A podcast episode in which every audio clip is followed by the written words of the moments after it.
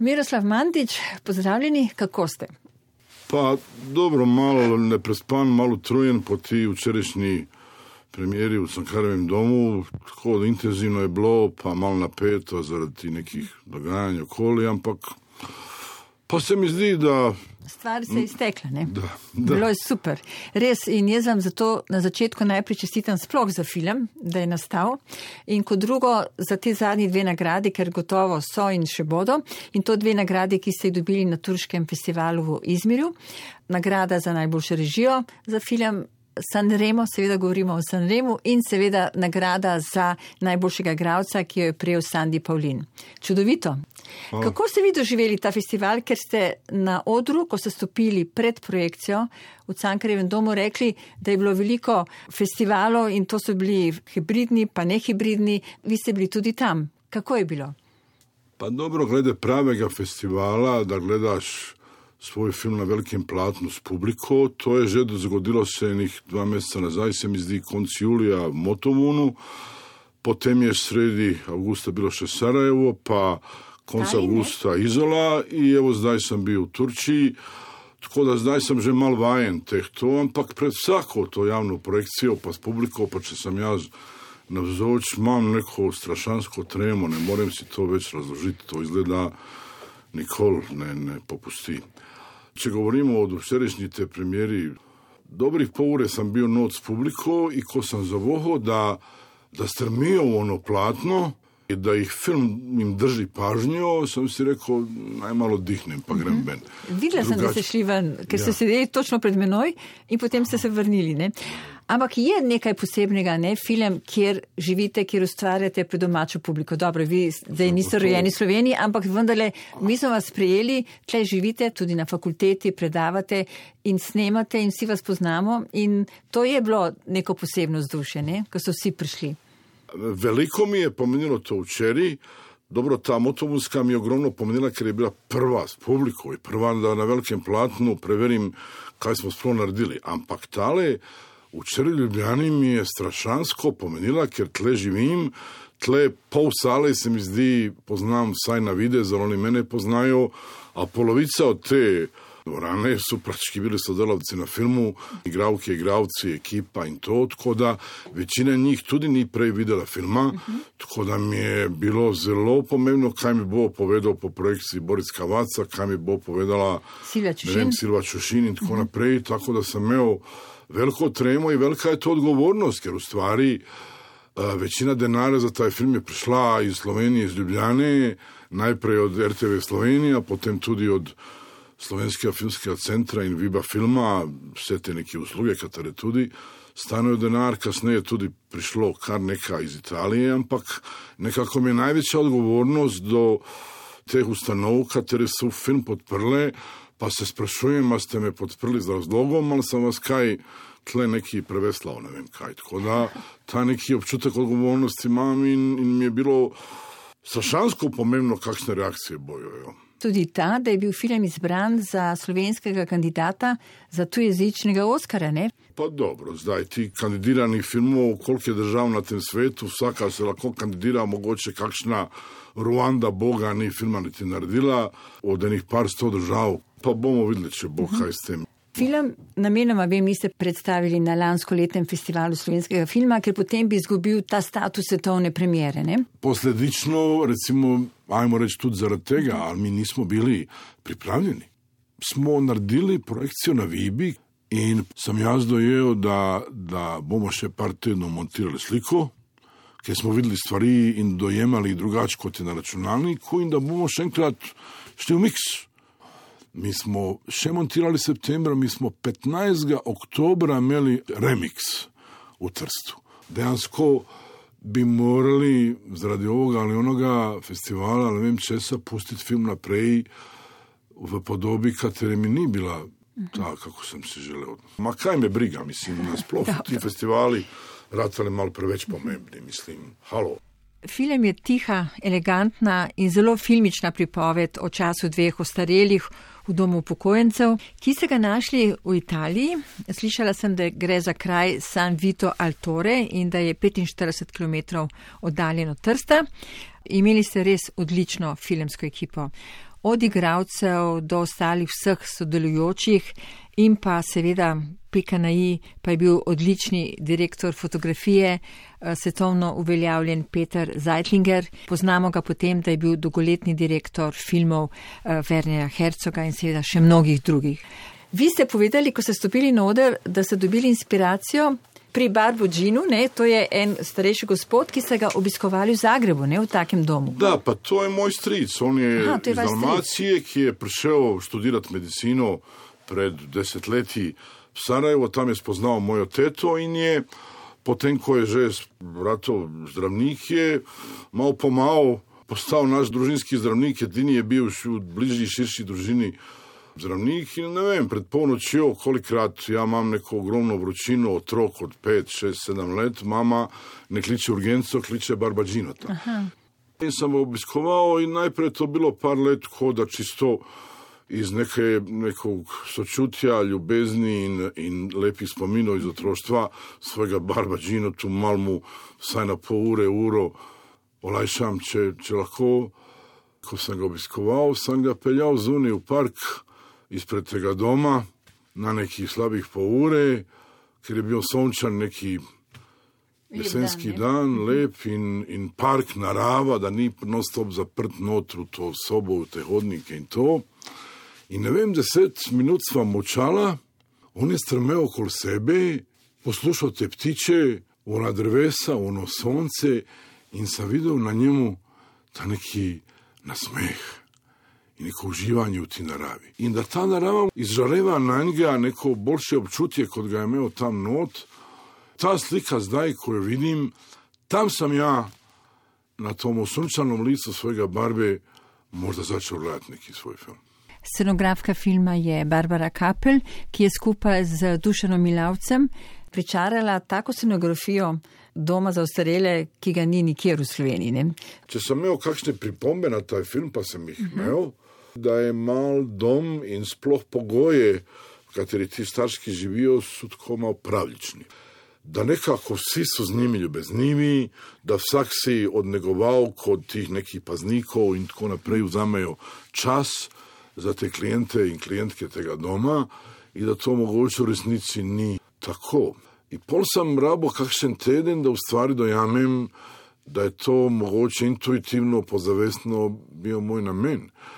Ker veste kaj, jaz sem delal dosta enih družbeno-kritičnih in angažiranih filmov ali česar koli v življenju, tako da nemam jaz zdaj neke komplekse, za zdaj imam, moram bojevati politično s celim svetom, pa to se bolj intuitivno kot racionalno odločim, kakšni smeri to gre, pa če gre, gre, če ne gre. Videli smo ni 20 domov okoli Ljubljana in po celi Sloveniji, pa kasneje tudi nekaj 50 v Italiji. Ta človek dosti krat na začetku filma beži iz doma in jaz nisem hotel, da on beži iz doma zaradi doma, kakšen je in kakšne pogoje ponuja tem svojim prebivalcem. Jaz sem hotel, da on beži domu in svoji ženi in svojemu psu. Znači neki afirmativen razlog za pobeg, a ne negativen. Eh, glede mesta, v katerem živiš, da bi zbežal iz njega. Tako da to bi se v družbeno kritično pseudo-angažiranem uh, konceptu doma izgubilo. Uh, in drugo, izgubil bi se fokus filma, ker moj fokus filma ni bilo, da zdaj se obadam pogojem življenja v domu ali kjerkoli drugje. Mene je zanimalo, v čigavi glavi je megla. Oziroma, odsostvo spomina. Ne vem, kdo tle od nas ve, kako se tak človek počuti in kaj v njegovi glavi oproti tega, kaj naj bi bilo v naših glavah do nadaljnjega, dokot bo. Miroslav Mandič za vas pravi, da ste eden med boljšimi, če ne najboljšimi pisti scenarijev.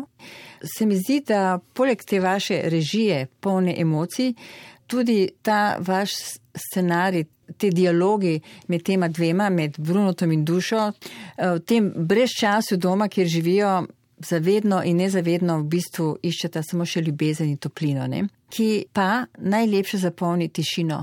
In v tej tišini mi doživljamo to atmosfero. Ne? Je tako? Pa to vam res hvala. Ker moram priznati, da je bilo nekaj več dialogov, tudi v scenariju in kako je film posnet, ampak ena tretjina jih je šla ven med montažo. Tudi po zaslugi montažerja Andreja Nagodeta, to je eno od par najlepših sodelovanj na tem filmu.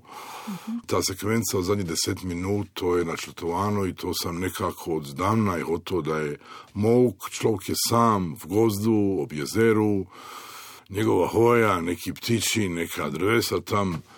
Tudi če bi hotel, ni imel s kom med dialoga tega verbalnega, ker veste kaj, verbalni dialog nasploh, zakaj ne bi dialog bil med nami zdaj, evo, jaz zdaj bom par sekund molčal, pa se gledava, pa nekako si tudi nekaj poveva, ne, s tem pogledom. Pa tudi, če bi trajal dlje od tih par sekund, mogoče bi se še več nekaj povedala.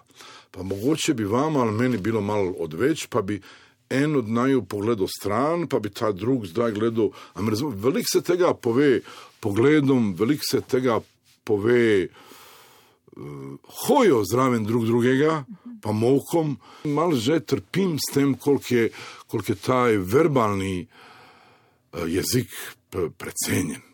Zgodovinsko, že od, od, od tisoči let nazaj, mislim, ne, ne razumem tega. Razumem tega. Žal razumem, pa mi je v glavi. Tako da se izogibam, kjerkoli lahko neki povem sliko iz moka, ne da je načrtovan mok. Ne bom ga načrtoval. Ampak, če se mi zdi, da brez besed se lahko nekaj sporoči, sem tega vesel in rolam naprej, kot se da. Bo komu jasno. Ampak jaz sem to doživljala tako kot nekakšno dihotomijo med realnim in zamaknjenim svetom teh dveh.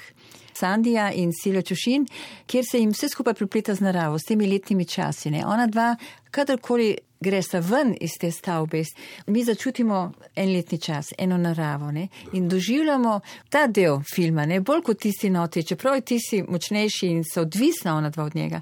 Ampak, ko gresta naravo, se mi bolj zbližamo z njimi, ne? mi jih doživljamo in, in jih čutimo. Ma to ste mi zdaj dala Nobelovo nagrado. Evo. Mislim, ja nič drugega, nič lepšega nisem si želel slišati kot to. Ta film je prav da se do te narave odpremo in jo spoštovati.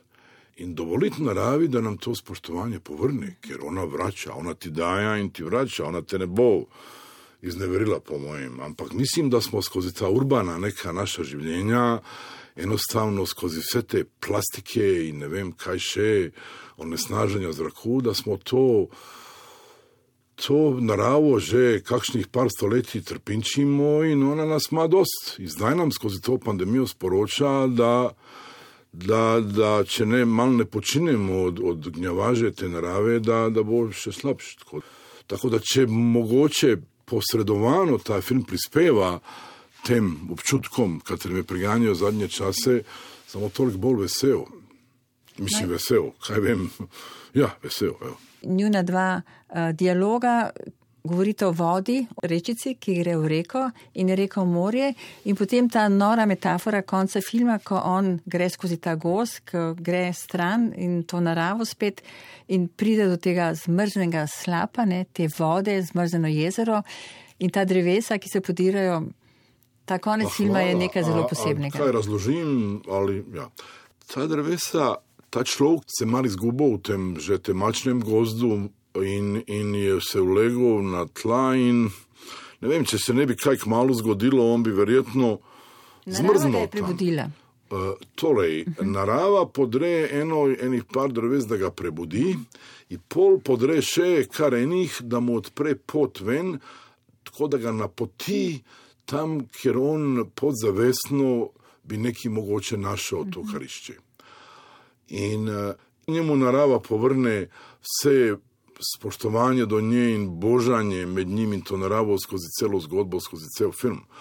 In pol ga na poti proti jezeru in zraven tam na ta slab, uh, kakšne jih je izdelovala med temi terapijami, kolažev uh, njegova ta partnerica, ki jo ni več.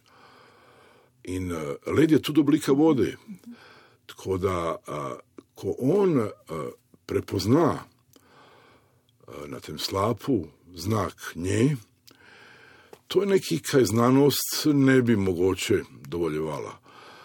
Uh, ker kako da človek, ki ni vedel, niti vem, kdo je zbolel, niti koga ni tam, kjer bi se on z njo podajal žogo, pa to, kako pol da po vsem tem ko se nista spominjala drug drugega dan po zajtrku skupnemu, kako zdaj, da on v sredi gozda prepozna čez nekakšen zaledenel slab to gospo. Znanost mogoče tega ne dovoli, ampak emocije za moj pojme. Ja. In v stvari je to, če hočete neko tezo tega filma, pol je to. A lahko z občutki, z emocijami prevladamo neke stiske, težave, pa tudi težje diagnoze. Meni se zdi, da tam sem uh, tudi emocije prispevajo neki boljši, ne vem, boljšemu izidu ali. Ta človek je na prvo slabo polovica, nekoliko, polovico filma nekolikrat hoče zbežati iz tega doma. Iz tega doma sem že omenil, da, da ne, ker mu je slabo v domu, ampak verjame, da mu je boljše in da neki namen boljši zase ima v svojem originalnem domovanju, tam, kjer verjame, da ga čakata žena in pes. Uh, ampak potem, ko spozna to gospo v domu, on, on kar nekaj časa nikamor ne beži. Pa nič od tega ni načrtno in racionalno, ker on, če, tudi če njo do drugega dne pozabi, pa se naslednji dan spet morata spoznavati.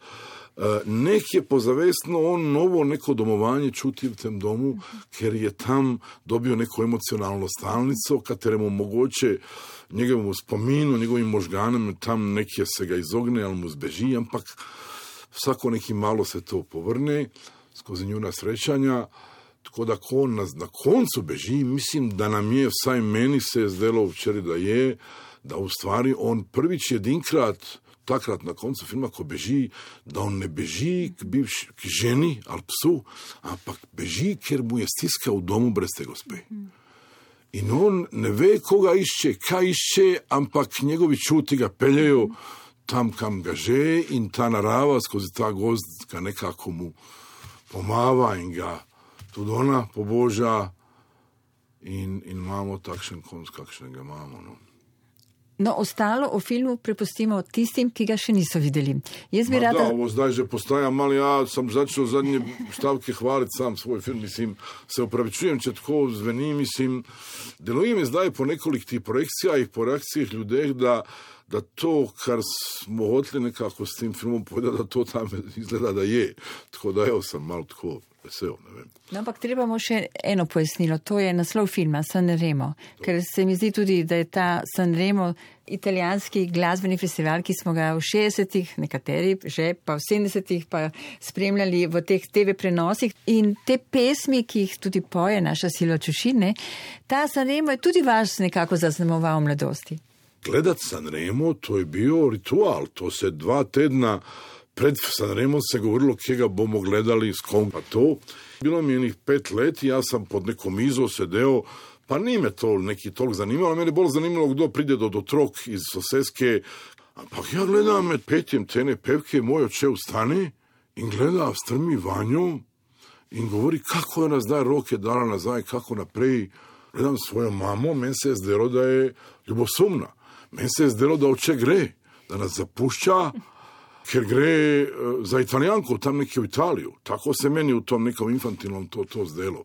Pa seveda kasneje dojameš, da nič od tega ni, da ne moreš ti zdaj zagrabiti žensko z TV ekrana, pa to, ampak se skupi nekako ljubeče iz strani očeta in mame, ampak to je mogoče mal spomin na ta Sanremo. To so si pa res zapomnili. Da, pa evo, jaz sem dal Brunotu, liku, ki ga igra Sandy Pavlin, te besede svojega očeta. Miroslav Mandič, vi, vi ste predstojnik katedre za scenaristiko ne? na AGRFT-ju. Uživate v tem? Pa občasno tudi. Super. Miroslav Mandič je bil nocoj z menoj v daji Protetus Prta Drž. Pogovarjala sem se o njegovem novem celovečernem filmu Sanremo, ki ga gledamo v Cankarjevem domu še od 13. do 18. oktobra.